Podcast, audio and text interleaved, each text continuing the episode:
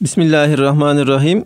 Kıymetli dinleyenlerimiz bir İlmihal Saati programıyla tekrar sizlerle birlikteyiz. Yüce Rabbimizin selamı, rahmeti ve bereketi üzerimize olsun efendim. Sizlerden bize ulaşan ilmihal sorularını değerli hocamız Doktor Ahmet Hamdi Yıldırım cevaplandırıyor. Muhterem hocam ilk sorumuz şöyle. Kur'an okumayı bilmiyorum. Kur'an-ı Kerim'in latinize edilmiş halinden okumam uygun olur mu? Bu şekilde hatim yapabilir miyim? Elhamdülillahi Rabbil Alemin ve salatu ve selamu ala Resulina Muhammedin ve ala alihi ve sahbihi ecmain. Tabi e, Kur'an-ı Kerim harfleriyle yazıp okuyan bir millet iken bir gece harflerimizden mahrum olarak sabahladık. Mazi ile olan bütün ilgimiz, alakamız bir anda kopartılıverdi. E, ne Kur'an-ı Kerim'i okuyabilir ne de atalarımızın, dedelerimizin mezar taşlarında yazan kitabeleri, o şahideleri okuyabilir olduk. Bu bizim için büyük bir travma maalesef. Fakat Müslüman olarak doğduğumuz, Müslüman olarak ölmeye Allah nasip müyesser ederse niyetli olduğumuz için Müslümanlığın gereği olan Kur'an-ı Kerim'le bir Müslümanın hemhal olması noktayı nazarından bizim Kur'an-ı Kerim'i okuyabilmemiz, onu aslından e, Arap harflerinden okuyacak seviyeye gelmemiz gerekiyor. Eğer bir kimse e, Latin harfleriyle yazılmış olan nushadan okuyabiliyorsa Arap harflerini de öğrenebilir demektir. Yani onda bu kabiliyet, bu istidat var anlamına gelir acizlenmek, ben yapamam, ben öğrenemem demek bir Müslümana yakışmaz. Dolayısıyla henüz nefes alabiliyor iken, henüz can bu tende mevcut iken niyet etmek lazım. Ben Kur'an-ı Kerim'i orijinalinden, asıl halinden okuyacağım demek lazım. Böylelikle Kur'an-ı Kerim'i öğrenmeye bir an önce başlamak lazım. Şöyle bir e, değerlendirme yapacak olursak, ben Latin harfleriyle Kur'an-ı Kerim'in e, tamamını okumam mı daha sevaptır, daha faziletlidir? Efendim eğer günah olmazsa tabi. Yoksa aslını, orijinalini öğrenip de bir ayeti okumam mı daha sevaptır, daha faziletlidir? Hiç tereddüt etmeksizin söyleyebiliriz ki Kur'an-ı Kerim'i e, Kur'an-ı Kerim olan şekliyle çünkü Cenab-ı Allah Kur'an-ı Kerim'i Arap lisanıyla indirmiştir e, ve Kur'an-ı Kerim'i Arapça olarak okuyoruz. Başka herhangi bir tercümesi, maali Kur'an-ı Kerim'in yerine geçmez. Maal okuyabilir miyiz? Okuyabiliriz. Yani Cenab-ı Allah'ın bize ne dediğini kendi lisanımızdan e, anlayabilmek için okuyabiliriz. Fakat e, yeterli midir? Asla yeterli değildir. Buna rağmen e, Arapçayı Latin harfleriyle yazmaya kalkarsa bir kimse hele de elimizde bulunan 29 Latin harfiyle Türk alfabesinde bugün e, alfabeye Türk alfabesi deniyor ama Türk alfabesi değil tabi Latin alfabesi o. E, 29 tane harf bulunuyor. Bu 29 harfle e, zengin Arapça harflerini karşılamamız mümkün değil. Mesela Arapçada H var, H var, H var. Dolayısıyla e, Türkçe'de bir H ile dile getirdiğimiz harf Arapçada üç harfle e, karşılanıyor. Buna göre de e, mesela Kur'an-ı Kerim'de halaka kelimesi geçiyor. Kul a'udhu bi rabbil felak. Min şerri ma halak. Min şerri ma halak. Ne diyor ayeti kerime? Kul de ki e, burada da kaf ve kef harfi iki farklı harftir. Bunu e, Latin harfiyle bugünkü mevcut Türkiye'de kullanılan Latin alfabesiyle yazacak olursanız kul diye yazacaksınız. Halbuki o kul değildir, kuldur, kaf harfiyledir. Eğer biraz daha inceltecek olursanız kül olur. Kül de ye anlamına gelir. Binaenaleyh kul de ey Habibim anlamına gelirken siz onu kül diye okuyacak olursanız ye anlamına gelir. E, mana tamamen birbirinden ayrılmış olur. Kul a'udhu bi rabbil felaki felakın Rabbine yani sabahın ilk ışıklarının ortaya e, çıkışı anına sahip olan Allah'a sığınırım de iken felak kelimesi felek olarak e, Latin alfabesinde yazılacak. E, daha vahim olanı ise min şerri ma halak yarattıklarının şerrinden Allah'a sığınırım diyecekken orada da mana bozulacak demektir. E, çünkü min şerri ma halaka yarattıklarının şerrinden eğer onu halaka şeklinde okursa tıraş ettiklerinin şerrinden eğer bugünkü Latin alfabesindeki harflerle okumaya çalışırsa heleke şeklinde okumak durumunda olacak ki o zaman da helak ettiklerinin şerrinden Allah'a sığınırım. Halbuki yarattıkları nerede, helak ettikleri nerede? Binaenaleyh bugünkü Türkiye'de kullanılan e, Latin alfabesindeki 29 harf ile Kur'an-ı Kerim'in Arapça harflerini karşılamak mümkün değil. Mümkün olmadığı gibi tamamen ters manaların ortaya çıkması da söz konusudur. Bunun yerine bir insan bir ayeti doğru okuyabilmek için orijinalinden Kur'an-ı Kerim'i okuma e, çalışmalarına başlamalı. Elhamdülillah camilerimizde imamlarımız, müezzinlerimiz bu iş için bulunuyor. Yine Kur'an kurslarımızda hanım hocalarımız, efendim Diyanetimizdeki e, görevli olan hanım din kardeşleri, e, din görevlisi kardeşlerimiz bu işler için e, hizmet vermektedirler. Hele bu pandemi süreci, salgın sürecinde e, artık uzaktan da eğitim yoluyla birçok yerden kadınlara, erkeklere eğitimler verildiğini görüyoruz. Binaenaleyh bir insan azimli olmalı, gayretli olmalı. Ben işin aslından, temelinden öğrenmeliyim demeli. Ee, sevaplı olan, doğru olan, tehlikesiz olan budur. Ama e, işte ben 10 hatim yaptım, 20 hatim yaptım diyerek e, böyle hatimle e, övünme anlamında bir çabanın içerisine girecekse bir insan zaten okuduğu hatminde bir sevabını görmesi mümkün değil. Bu yönüyle ben değerli kardeşimize mutlak surette Kur'an-ı Kerim'i asli haliyle okuyabileceği bir eğitimi almasını tavsiye ederim. Bu eğitim de bugün e, her yerde bulunabilmektedir. Her platformda e, bu eğitimi verecek kimseler bulunuyor elhamdülillah. Eskiden insanlar Kur'an eğitimi almak için kelle koltukta mücadele ederlerdi. İşte yakın zamanda e, Cenab-ı Allah'ın rahmetine tevdi ettiğimiz Emin hocam, e, Emin Saraç hocam Allah gani gani rahmet eylesin. E, babam bizi sabahın üçünde dördünde kaldırırdı. Perdeleri indirirdik dışarıdan ışık görünmesin diye mum ışığında ben ve kardeşlerim hafızlık çalışarak hafız olduk diye anlatırdı. Şimdi e, rahatlık var, bolluk var. Binaenaleyh insan gayret etmeli. Bu gayretleri neticesinde ilim talebesi olma imtiyazını da kazanmış olur bir kimse. İlim talebesi olma imtiyazı ne demektir? Eğer bir insan ilim talebesi iken veya ilim öğreten bir hoca iken e, ölüm gelir kendisine çatarsa direkt cennete girer. Dolayısıyla e, bunu düşünerek insan ahir ömrüne kadar eğitimden kopmamalı, eğitim almaktan kopmamalı. E, hele de Kur'an-ı Kerim eğitimi almak söz konusu ise efendim bir insan bunu canına minnet bilmeli. Kur'an öğrenmek için gayret etmeli. Aşkla, şevkle hocaya gitmeli. Efendim bu eğitim için elinden geleni yapmalı. Ama tekrar edecek olursak Latinize edilmiş olan e, Kur'an nusasını okurken sevap yerine günah da kazanmış olabilir.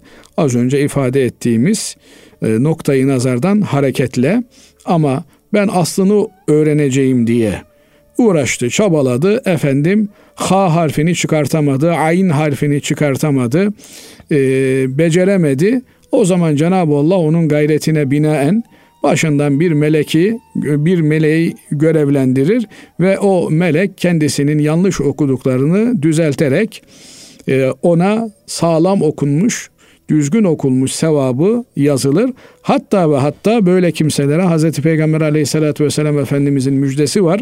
وَالَّذ۪ي يَقْرَأُ الْقُرْآنَ وَهُوَ يَتَتَعْتَعْ yani böyle ta ta ta diye peltekleyerek Kur'an-ı Kerim'i okumaya çalışan, orijinalinden, aslından okumaya çalışan kimseye Allah iki sevap verecek buyuruyor Hazreti Peygamber Efendimiz. Nedir onlar? Biri o zahmetinin sevabı, biri de Kur'an okuduğunun sevabıdır. Binaenaleyh bu sevabı kaçırmamak gerekiyor. Niyet edip nice işte 100 yaşında Kur'an-ı Kerim okumaya muvaffak olmuş olan e, büyüklerimiz var. E, onlar gibi gayret edip okumaya azmetmek lazım. Vesselam. Allah razı olsun kıymetli hocam. Efendim şimdi e, bir hanım kız kardeşimizden e, bize gönderilmiş e, bir soru var. Diyor ki kız Kur'an kurslarında adet döneminde bize zorla Kur'an okutuyor, okutturuyorlar, ezberlettiriyorlar. Bunda bizim bir mesuliyetimiz var mı? Tabii çünkü e, Hz. Peygamber aleyhissalatü vesselam Efendimizin e, kesin ifadeleriyle, hadisleriyle e, özel dönemlerinde bayanların Kur'an-ı Kerim okumamaları gerekmektedir. E, bütün mezhep alimlerimiz bunu böyle anlamışlar. Bir nevi icma oluşmuş demektir. Binaenaleyh nasıl e, büyük abdesti olmayan cünüp kimse Kur'an-ı Kerim'i okuyamıyor ise yine e, onun gibi olan adetli ve nifas dönemindeki hanım kardeşlerimiz de Kur'an-ı Kerim'i okuyamazlar. E, bu noktada bütün mezheplerin ittifakı söz konusudur. E, bu noktada bazıları e, Maliki mezhebinin okuma ifadesinden yola çıkarak e, işte özel durumlarında da olsa e, hocaların, hafızlık çalışanların Kur'an okuyabileceklerini iddia etmektedirler ki bu mezhebi yanlış anlamaktan kaynaklanan bir hadisedir. İşin özeti şudur. Okuma ifadesi e, üç mezhepte Hanefilerde, Şafilerde, Hanbelilerde ağızdan çıkan harflerin oluşturduğu bir eylem olarak değerlendirilirken yani en az kişinin kendisinin işitebileceği e, kulakları duymuyordur ayrı mesele ama e, insanın kendi kendine işitebileceği kadar bir sesin olması gerektiği, ağzının hareket etmesi ve harflerin mahreçlerinden çıkması halinde okumanın gerçekleşeceğini söylerler. Eğer bir kimse ağzını hareket ettirmeden okuyorsa, efendim dili dönmeden okuyorsa, ağzı açılmadan okuyorsa buna okuma denilmez. Sadece Maliki mezhebi kişinin içinden okumasına da okuma denilir demiştir. Bu yönüyle Maliki mezhebine atfedilen yani adetli olan kadın Kur'an-ı Kerim'i ihtiyaç varsa okuyabilir türünden bir ifade, bir e, görüş onun zihinden okumasıdır, kalpten okumasıdır. Yoksa Kur'an-ı Kerim'i efendim eline alıp okuması anlamına değildir. Bunu e, göz ardı edince ortaya böyle e, bir e, abuk sabuk durum çıkıyor maalesef. Bu noktada da Diyanetimize e, şunu hatırlatmayı bir borç olarak görürüm memleketimiz özellikle de e, Güneydoğu bölgesi hariç orada Şafi mezhebi ağırlıklı olarak bulunmakta. Fakat Şafi de olsa, Hanefi de olsa e, her yönüyle bu durumda olan kardeşlerimizin, hanım kardeşlerimizin okumaya zorlanması bir defa dini özgürlükler açısından sıkıntılı bir durumdur. Yani bırakın bu yapılanın e, dinen yanlış olmasını bugün işte e, uluslararası camiada pazarlanan dini özgürlükler bağlamında da bu yapılan yanlış bir şeydir. Bu yanlışta ısrar etmemek lazım. Ama maalesef e, yer yer böyle şikayetler geliyor. Filan kurstayım işte kursumuzdaki e, hocalarımız bizi bu dönemde de Kur'an okumaya zorluyorlar. Efendim hoca hanımlara sorduğumuzda efendim Diyanet bize bu noktada Maliki mezhebinden bir fetva olduğunu söylüyor. Ee, ama Diyanet teşkilatımızın e, Hanefi mezhebini esas aldığı memleketimizde bir gerçek iken efendim e, doğu illerimizde bulunan Şafi kardeşlerimiz için Şafi mezhebini esas aldığı bir uygulama yerleşmiş iken bu tür gereksiz yere e, çocukların toplumla karşı karşıya getirilmesi.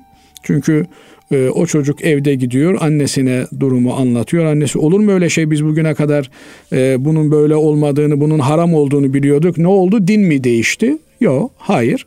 Ama bir takım aklı evveller kendi kendilerine bir takım icatlar çıkartmak suretiyle e, toplumu kendi içerisinde bölmeye gidiyorlar.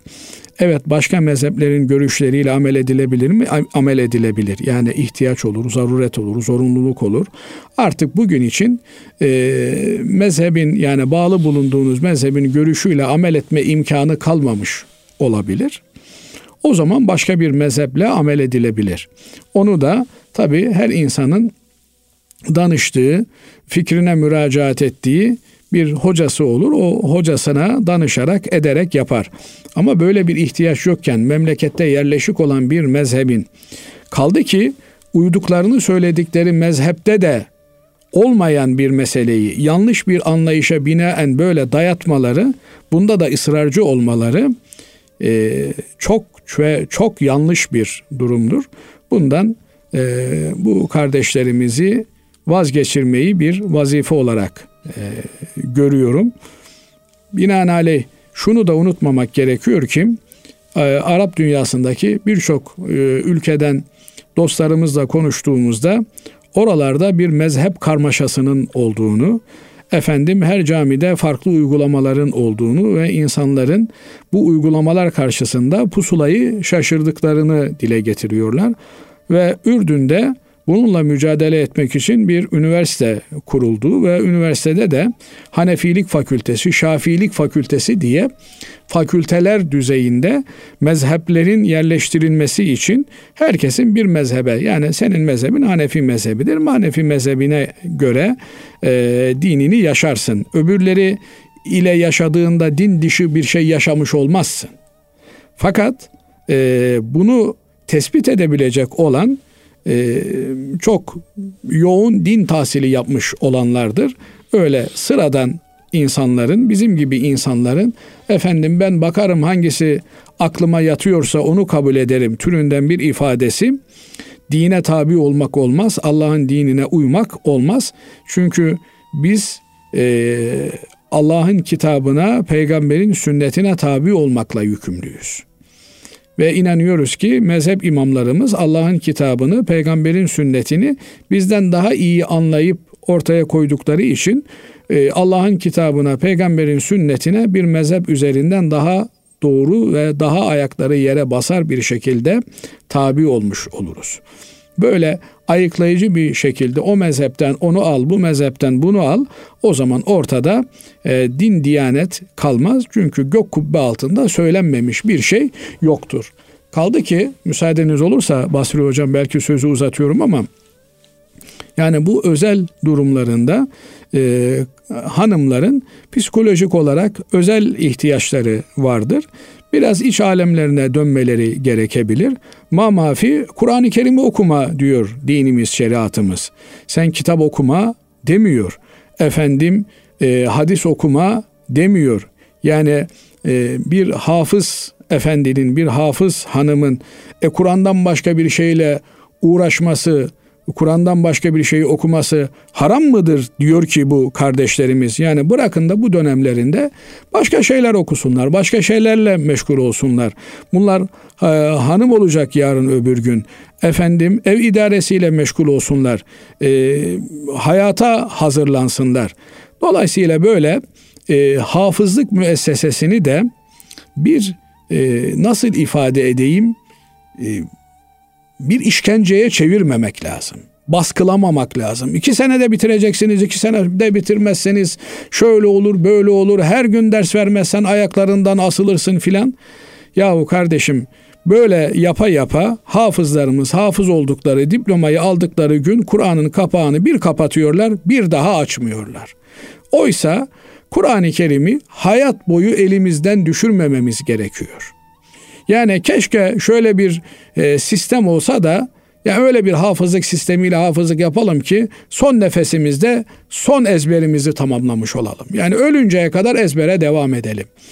Ama maalesef böyle sanki hocalar da kendi aralarında ben 50 tane hafız yetiştirdim, 100 tane hafız yetiştirdim, 5000 tane hafız yetiştirdim.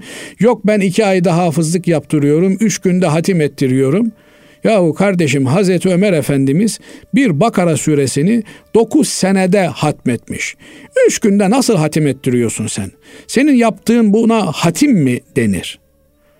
Yani Aha şöyle olur işte Efendimiz Aleyhisselatü Vesselam buyuruyor ki e, İhlas suresini bir kere okuyan Kur'an'ın üçte birini okumuş olur. Ha, üç kere İhlas suresini okuduğunda bir insan hatmetmiş olur. E bunun için de üç güne de gerek yok. Yani bir dakikada da maşallah sen hatim yapabilirsin. Ama Kur'an-ı Kerim'i sindire sindire, sevdire sevdire, ruhuna e, hazmettire hazmettire. Yani hocalarımız da kusura bakmasınlar. Onlar da bu işi artık bir meslek olarak görmekten vazgeçip Kur'an'ı her okuduklarında gözlerinin yaşlanıp yaşlanmadığına baksınlar.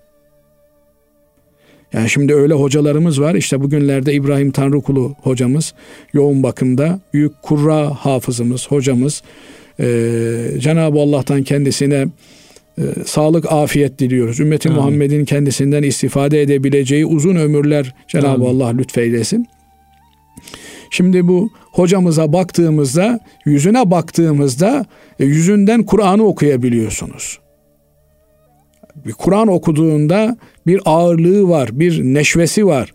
Dolayısıyla Kur'an eğitimini e, bir an önce bitirme heyecanı üzerine oturtmamak lazım. Kur'an-ı Kerim'i evet e, savsaklayıp da e, efendim e, her şeyden geri tutarak uzatmanın da bir anlamı yok. Ama Kur'an'la bağı ömür boyu sürdürülebilecek bir konuma çekerek hafızlığı yapmak lazım. Bu noktada da e, kız çocuklarımıza e, baskı yapılmasının çok yanlış olduğunu, ahirette vebali doğuracağını e, söylemek gerekir. Ya Kur'an okumanın günahı olur mu? Allah sana okuma dediği zaman okursan olur. Namaz kılmanın günahı olur mu? Olur. Şu vakitlerde namaz kılma diyor Cenab-ı Allah. Yani e, huzuruma gelme diyor bu vakitte. Yok ya Rabbi ben istediğim zaman çalar kapıyı girerim giremezsin. Hasılı kelam e, bu gibi noktalarda daha dikkatli, daha titiz olunması lazım gelir. Burada kızlarımızın vebali olur mu? Olur. Onlar da haklarını savunsunlar. Ee, eski köye yeni adet getirmeyin desinler. Ona bana öyle Maliki mezhebinden, İbazi mezhebinden, şuradan buradan değil, Ömer Nasuhi Bilmen Hoca'nın ilmi halinde ne yazıyorsa Diyanet İşleri Başkanlığı da yapmış olan Osmanlı'nın son dönem çınarlarından biridir. Onun ilmi halinde ne yazıyorsa bana onu anlatın desin. Şimdi şimdinin alimlerimize, hocalarımıza gelince konuşulacak çok şey var ama vakit ona müsait değil. Onun için kimse kusura bakmasın. Eski köye yeni adet taşımasın lütfen. Allah razı olsun hocam. Ağzınıza sağlık. Kıymetli dinleyenlerimiz şimdi kısa bir araya gidiyoruz. İnşallah Aradan sonra kaldığımız yerden devam edeceğiz. Kıymetli dinleyenlerimiz İlmihal Saati programımıza kaldığımız yerden devam ediyoruz. Sizlerden gelen soruları değerli hocamız Doktor Ahmet Hamdi Yıldırım cevaplandırıyor. Muhterem hocam bir dinleyicimiz e, şöyle bir soru bize yazmış. Takıntı hastalığı bulunan kişinin isteyerek adak adanması durumunda bu geçerli midir? Takıntısı sebebiyle birkaç defa adak adanması durumunda ne olur? Evet yani takıntı dediği vesvese illetine maruz kalmış kardeşim. Cenab-ı Allah vesveseden hepimizi muhafaza eylesin.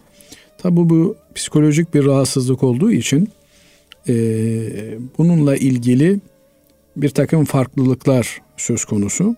Bazı kimseler var ki bir sözü ancak beş defa on defa tekrar etmek suretiyle ifade edebiliyorlar. Hatta her defasında acaba dedim mi, demedim mi, dedim mi, demedim mi diye bir şüpheye düşüyorlar.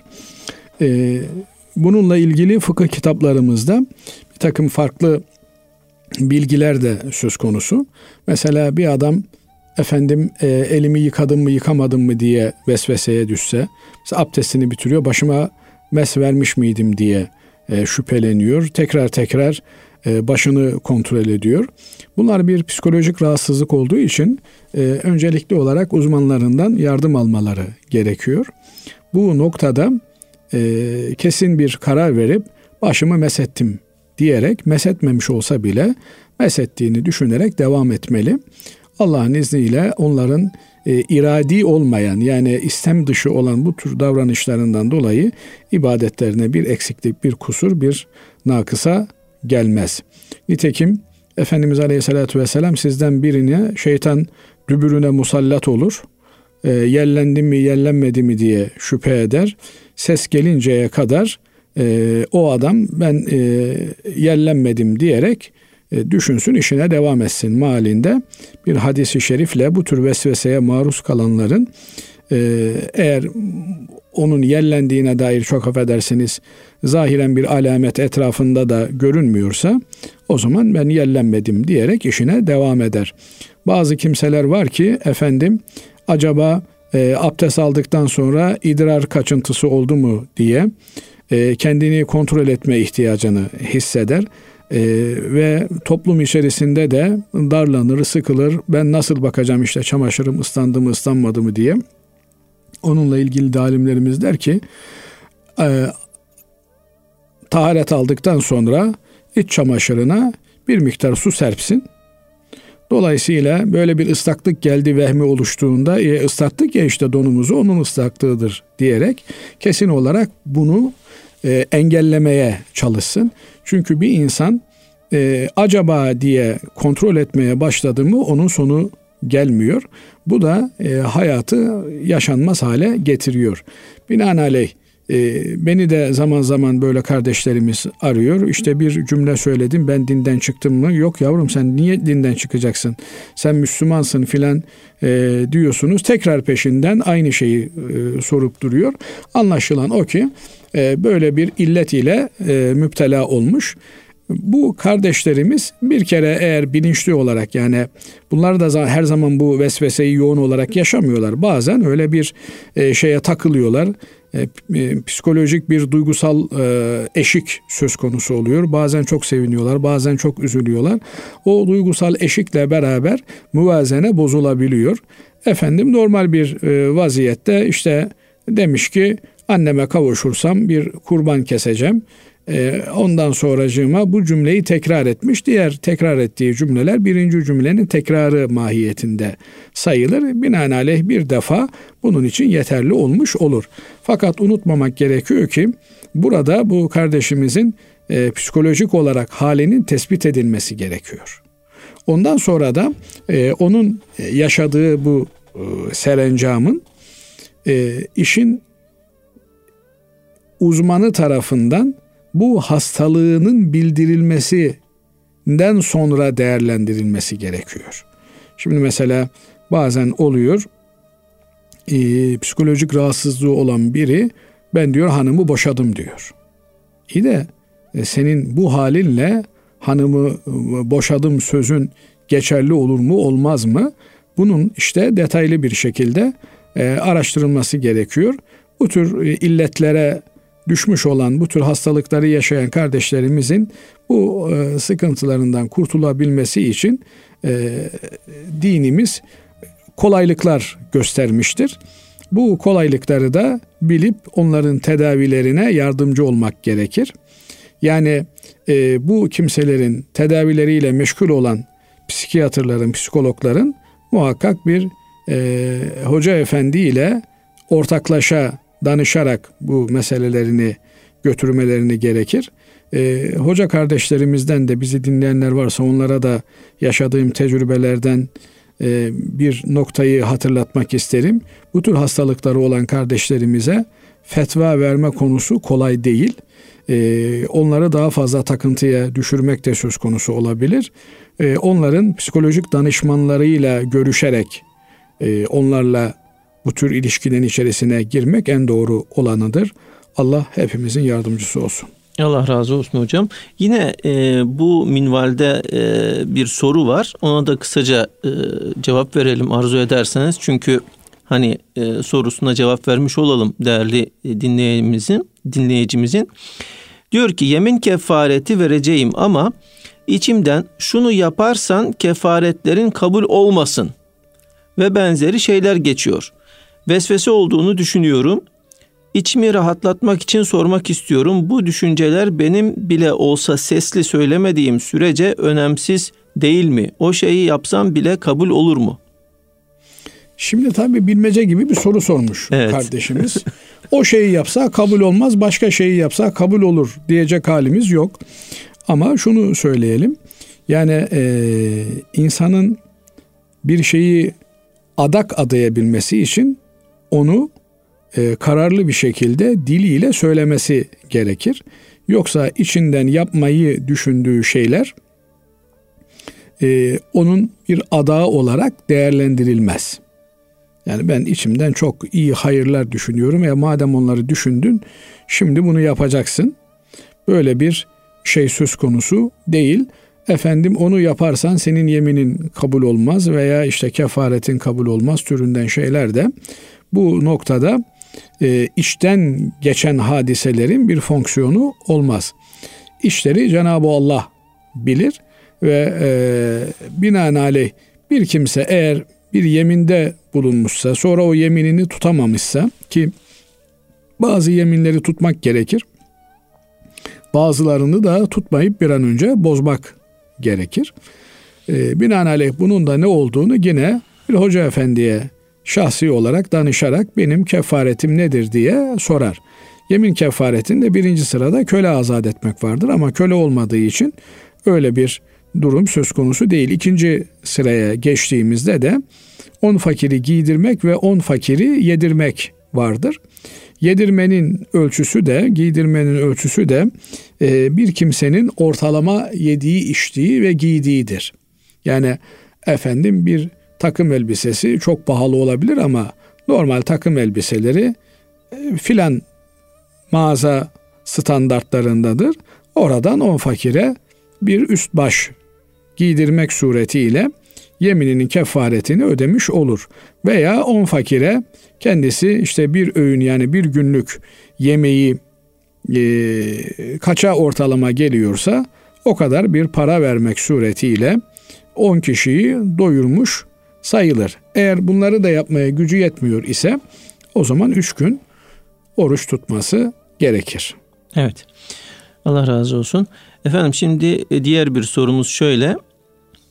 YouTube'da belki bir video izlendikçe daha çok kişinin karşısına çıkıyor. İzlenmesi caiz olmayan bir video izlenmişse daha çok yayılacağından onların günahı yazılır mı diye soruyor. Yazılır. Yani bir defa kardeşimizin kendisi sorarken diyor ki izlenmesi caiz olmayan bir videoyu izlerken günaha girer miyim? E, söylüyorsun zaten. Onu Ama, günaha girdi. Bir de başkalarının önüne çıkıp da onlar da izlediğinde bana da ayrıca ekstra tabii, günah o da yazılır. ayrıca ekstra günaha girmiş olur. Niye? Çünkü e, birincisi Hazreti Peygamber aleyhissalatü vesselam Efendimiz diyor ki men kethara sevade kavmin fehuve minhum. Yani bugünün diliyle aktaracak olursak kim bir kişinin tıklanma oranını yükseltirse o onlardandır diyor. Bunun anlamı ne? Yani eğer bir gazetenin tirajını yükseltiyorsanız, bir kanalın, bir e, melanetin, efendim bir çirkinliğin görünürlüğünü veya tanınırlılığını artırıyorsanız siz de onlar gibi bir hüküm alırsınız anlamına geliyor. Bu yönüyle veballi bir husus olduğunu e, hatırlatmak lazım. Yani bir insanın günahını sadece kendine işlemesi ayrı bir şey. Bir de o işlediği günahı alenileştirmesi, başkalarını da teşvik edecek hale gelmesi ayrı bir e, şey. Bundan dolayı dikkat etmek gerekiyor. E, kimsenin de günahının reklamını veya e, efendim ilanını, duyurusunu yapmamak lazım. İkinci bir hususta ayeti kerime müminler arasında fuhşiyatın yayılmasını isteyenler, sevenler onlar için e, elin bir azap vardır diyor. Estağfirullah. İnnellezîne yuhibbûne en teşi'al fâhişetu fillezîne âmenû lehum azâbun elîmun fid dünya vel âhire. Yani e, Müslümanların arasında kötülüğün yayılmasından zevk alanlar. Bunların içerisine efendim ben de vaktiyle şöyle günahlar işlemiştim, böyle yapmıştım, filan yerde şu günahı işlemiştim filan diye anlatımlar bile bunun içerisine dahil olmaktadır. İşledinse bir melanet, bir günah onu unutmaya çalış. Unutamıyorsan da efendim yani tövbe istiğfarla unutmaya, imha etmeye çalış. Unutamıyorsan da hiç olmazsa başkalarına anlatma. Bazen böyle duyuyoruz. Ee, kardeşlerimizden bir tanesi bak ben eskiden böyleydim şimdi Allah bana hidayet etti diye affedersin barda, pavyonda, plajda çekilmiş resimlerini gösteriyor. Bunlar e, kötülüğün yayılması anlamına gelir. Yine e, bu vesileyle söylemiş olalım Basri Hocam. İşte filanlarda filan kavimde, filan millette, filan toplulukta şöyle kötülükler var diyerek sözüm ona kendisini aklamaya çalışan bir kimse burada da farkında olmadan kötülüğün reklamını yapmaktadır. Bugünlerde biliyorsunuz e, gündemimizi kadına karşı işlenen cinayetler ve kadına karşı şiddet teşkil etmektedir. Şunu çok net bir şekilde söylemek isterim ki bu haberlerin kendisi bizzat kadına karşı şiddeti teşvik eden unsurlardır efendim televizyonlarda, programlarda, dizilerde, filmlerde kadına karşı şiddet sahneleri aslında kadına karşı şiddeti bilinçaltına yerleştiren ve normalleştiren bir süreç haline gelmektedir. Sözüm ona kötülüğün kötü olduğunu ifade etmeye çalışıyor. Halbuki Türkçemizde e, güzel bir değiş var. Bu değişler çok böyle uzun tecrübeler sonrasında kazanılmış olan atasözleridir. Biraz böyle e, argo gibi olacak ama e, merkebin aklına karpuz kabuğunu getirmek türünden bir ifade vardır.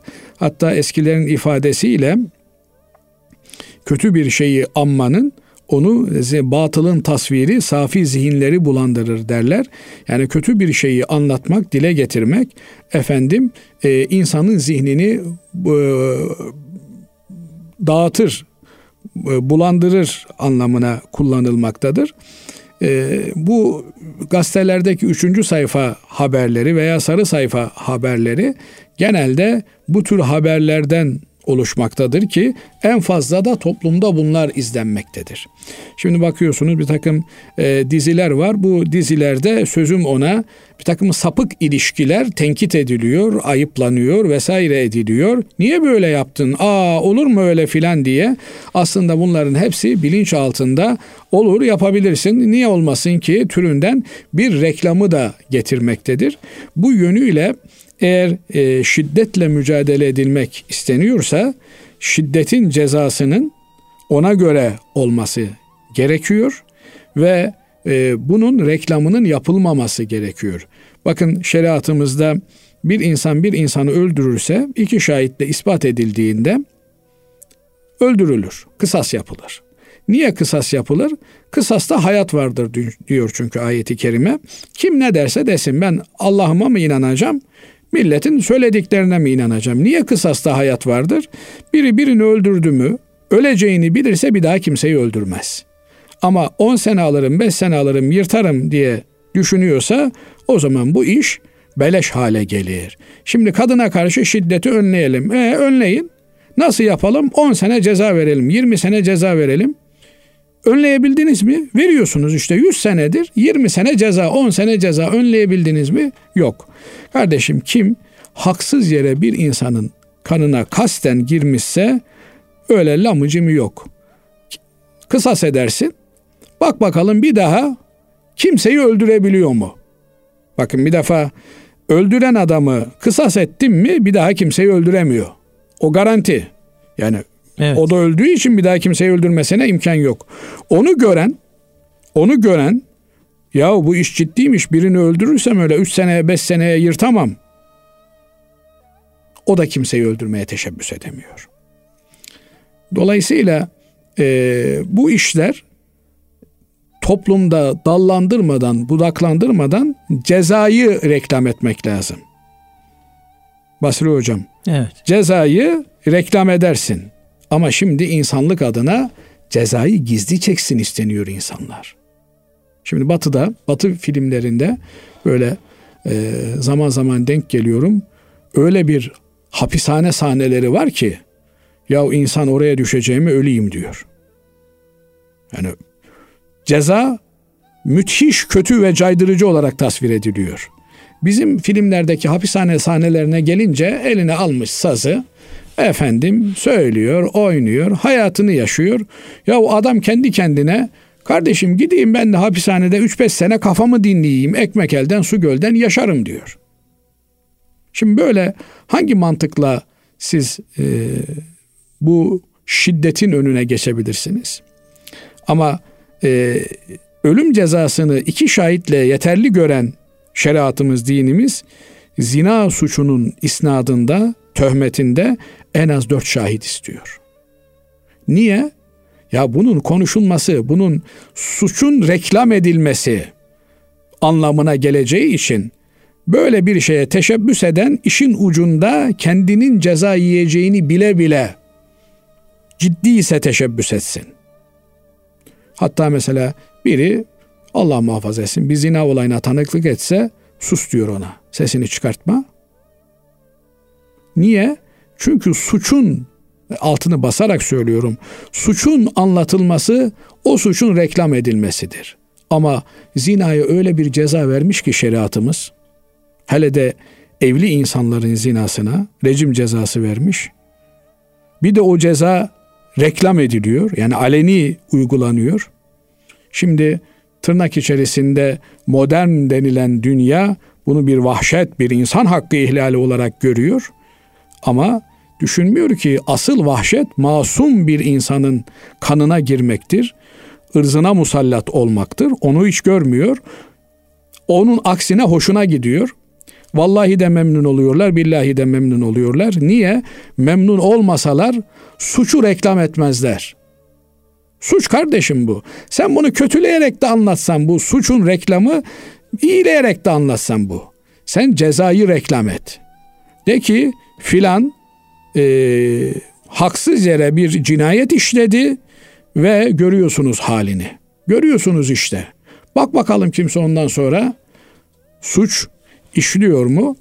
Dolayısıyla bu tür şeylerde e, kimsenin günahına prim yaptırmamak lazım. Dikkatli olmak lazım. Evet. Bunu anlatmak bile onlarla o suça ortak olmak anlamına geliyor. Evet. Değerli hocam bir diğer soru e, ekrandan tesettürsüz kadına şehvetsiz bakmak caiz midir? Değildir. Niye değildir? Çünkü Kur'an-ı Kerim erkeklere söyle yahuddu min absarihim gözlerini yumsunlar diyor. Haramlara bakmasınlar diyor. Bu emir net emirdir. Evliya da olsan bakamazsın, peygamber de olsan bakamazsın. Kadına bakamazsın. Kadının bakılamayacak yerlerine yani eli yüzü hariç yerlerine efendim e, affedersiniz açılmış geziyor. Bana ne kendi kendine saygısı yok ki. Onun kendine saygısı olmayabilir ama senin kendine saygın olması gerekiyor. Sen bakamazsın. Bir de öyle bir manzarayla karşılaşacağın yerleri de önceden kestirebiliyorsan oraya da gidemezsin. Gözünü korumakla mükellefsin ama eline yüzüne e, eğer bir e, teşriki mesai söz konusuysa efendim e, bir hanıma bir şey satacaksın veya bir şey alacaksın. Efendim bir konuşacaksın, edeceksin. Usulünü, adabına göre e, bakabilirsin yüzüne. Fakat şehvette yüzüne de bakamazsın. Yani e, şehvetle ne demek? Bunu söyleyince de e, anlamakta zorlanıyor birileri. Onların lisanı ile ifade etmek gerekirse mobbing yaparak bakamazsın. Yani öyle bir bakışları var ki adam bakışlarıyla e, taciz ediyor. Öyle bakamazsın kadına. Ama insani bir ilişki çerçevesinde bir şey soracaksın, bir şey öğreneceksin, bir şey satacaksın. Elbette bakabilirsin. Burada hocam e, yani ekrandan diye not düşmüş ama bir fark var mı? He, şimdi e, ekrandan diye düşmesinin bir farkı var mı meselesine gelince e, ekrandan değil de canlı olarak izliyorsun diyelim ama kadının farkını, farkında değil. Onunla ekrandan izlemenin bir farkı var mı? Yok yani bugün ekran sana e, bir canlı fotoğraf sunuyor. Hareketli bir fotoğraf sunuyor. Binaenaleyh e, orasıyla dışarısı arasında pek bir fark yok. Ha varsa daha büyük tehlike söz konusu. Niye?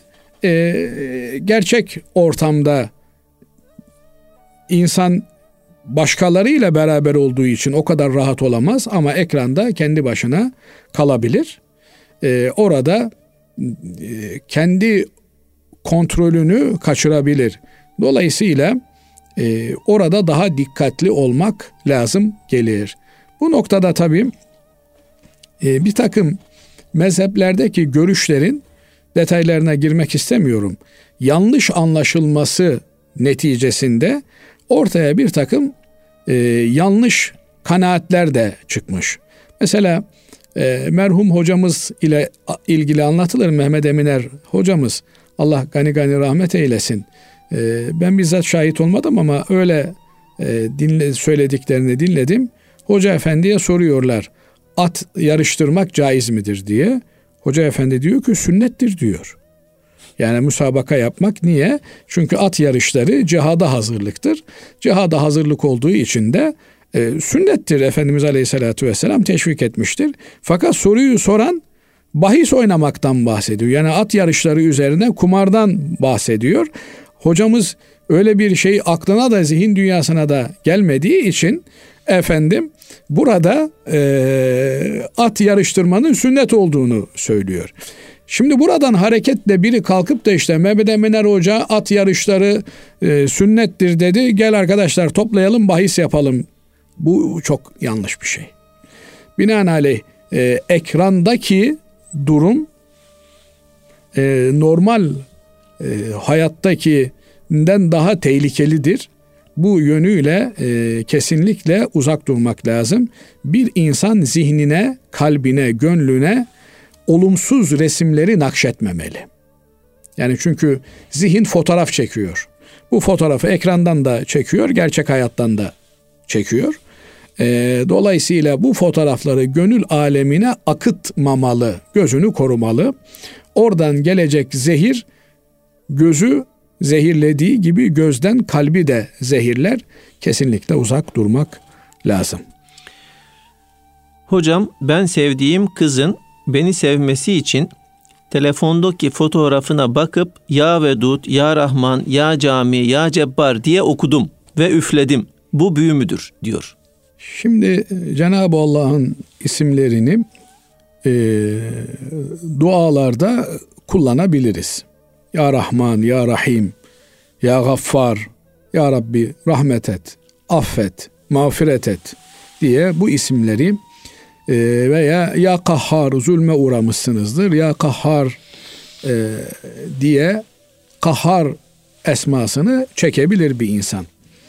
Fakat Cenab-ı Allah'ın ismiyle bir sureti yan yana getirip de ya Rabbi işte e, Vedüt ismin hürmetine e, şu kızı e, gönlünü bana kaydır diye e, bir e, duada ve dilekte bulunmanın doğru olmayacağı kanaatindeyim.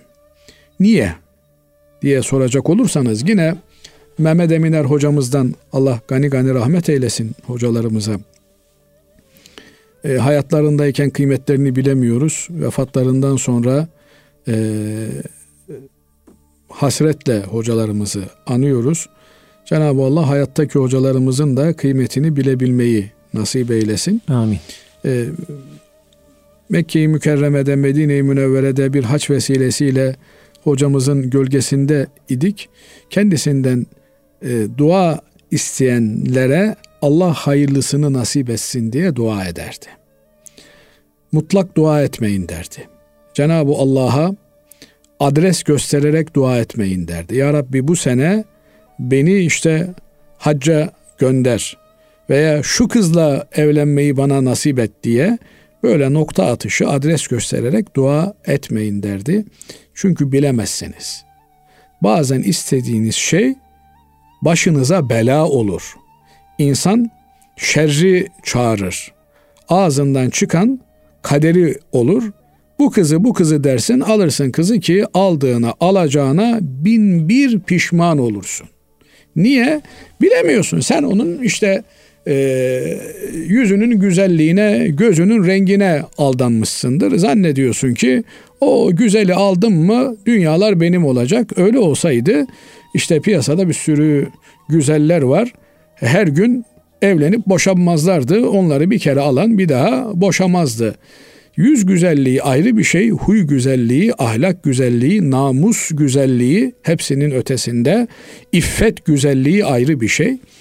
Dolayısıyla Müslüman bir genç, Müslüman bir e, insan Allah'ım hayırlı evlilikler lütfet diye dua eder. Kadını da erkeği de Allah'ım dünyama da ahiretime de faydası olacak benim sana kulluğuma bana yardımcı olacak bir eş bana nasip et diye dua eder. Yoksa işte şu olsun, şu olsun, şu olsun diye virt haline getirmez, getirmemeli. Getirirse başına iş açabilir. Cenab-ı Allah evlatlarımızı, çoluğumuzu, çocuğumuzu her türlü tehlikelerden bütün ümmeti Muhammed'i de bizleri de muhafaza eylesin. Gözümüzün aydınlığı olacak evlilikler yapmayı, çocuklar yetiştirebilmeyi, ahiret sermayesi olarak Cenab-ı Allah'ın huzuruna gidebileceğimiz, götürebileceğimiz ameller yapmayı hepimize nasip eylesin. Değerli hocam kapatmadan önce e, kısaca bu soruya da cevap verelim. İnternetten kredi kartıyla herhangi bir ürün almakta dinen bir sakınca var mıdır? Yani internetten ürün almakta e, ve internetten yapılan alışverişlerde tabi belirleyici bir takım e, kurallar, sınırlar e, bulunmakta. Kredi kartı ile ilgili de zaman zaman konuşuyoruz bu kredi kartı meselesini. Yani eğer bir insan e, güvenilir bir yerden e, bir bakkaldan aldığı gibi bir ürün alabiliyorsa bunu alabilir. Burada e, bir takım teknik konular var. İşte malın iadesi meselesi onu da zaten bugünkü tüketici hakları tüketiciye veriyor. Onun haricinde e, peşin yapılması gereken e, işler söz konusudur.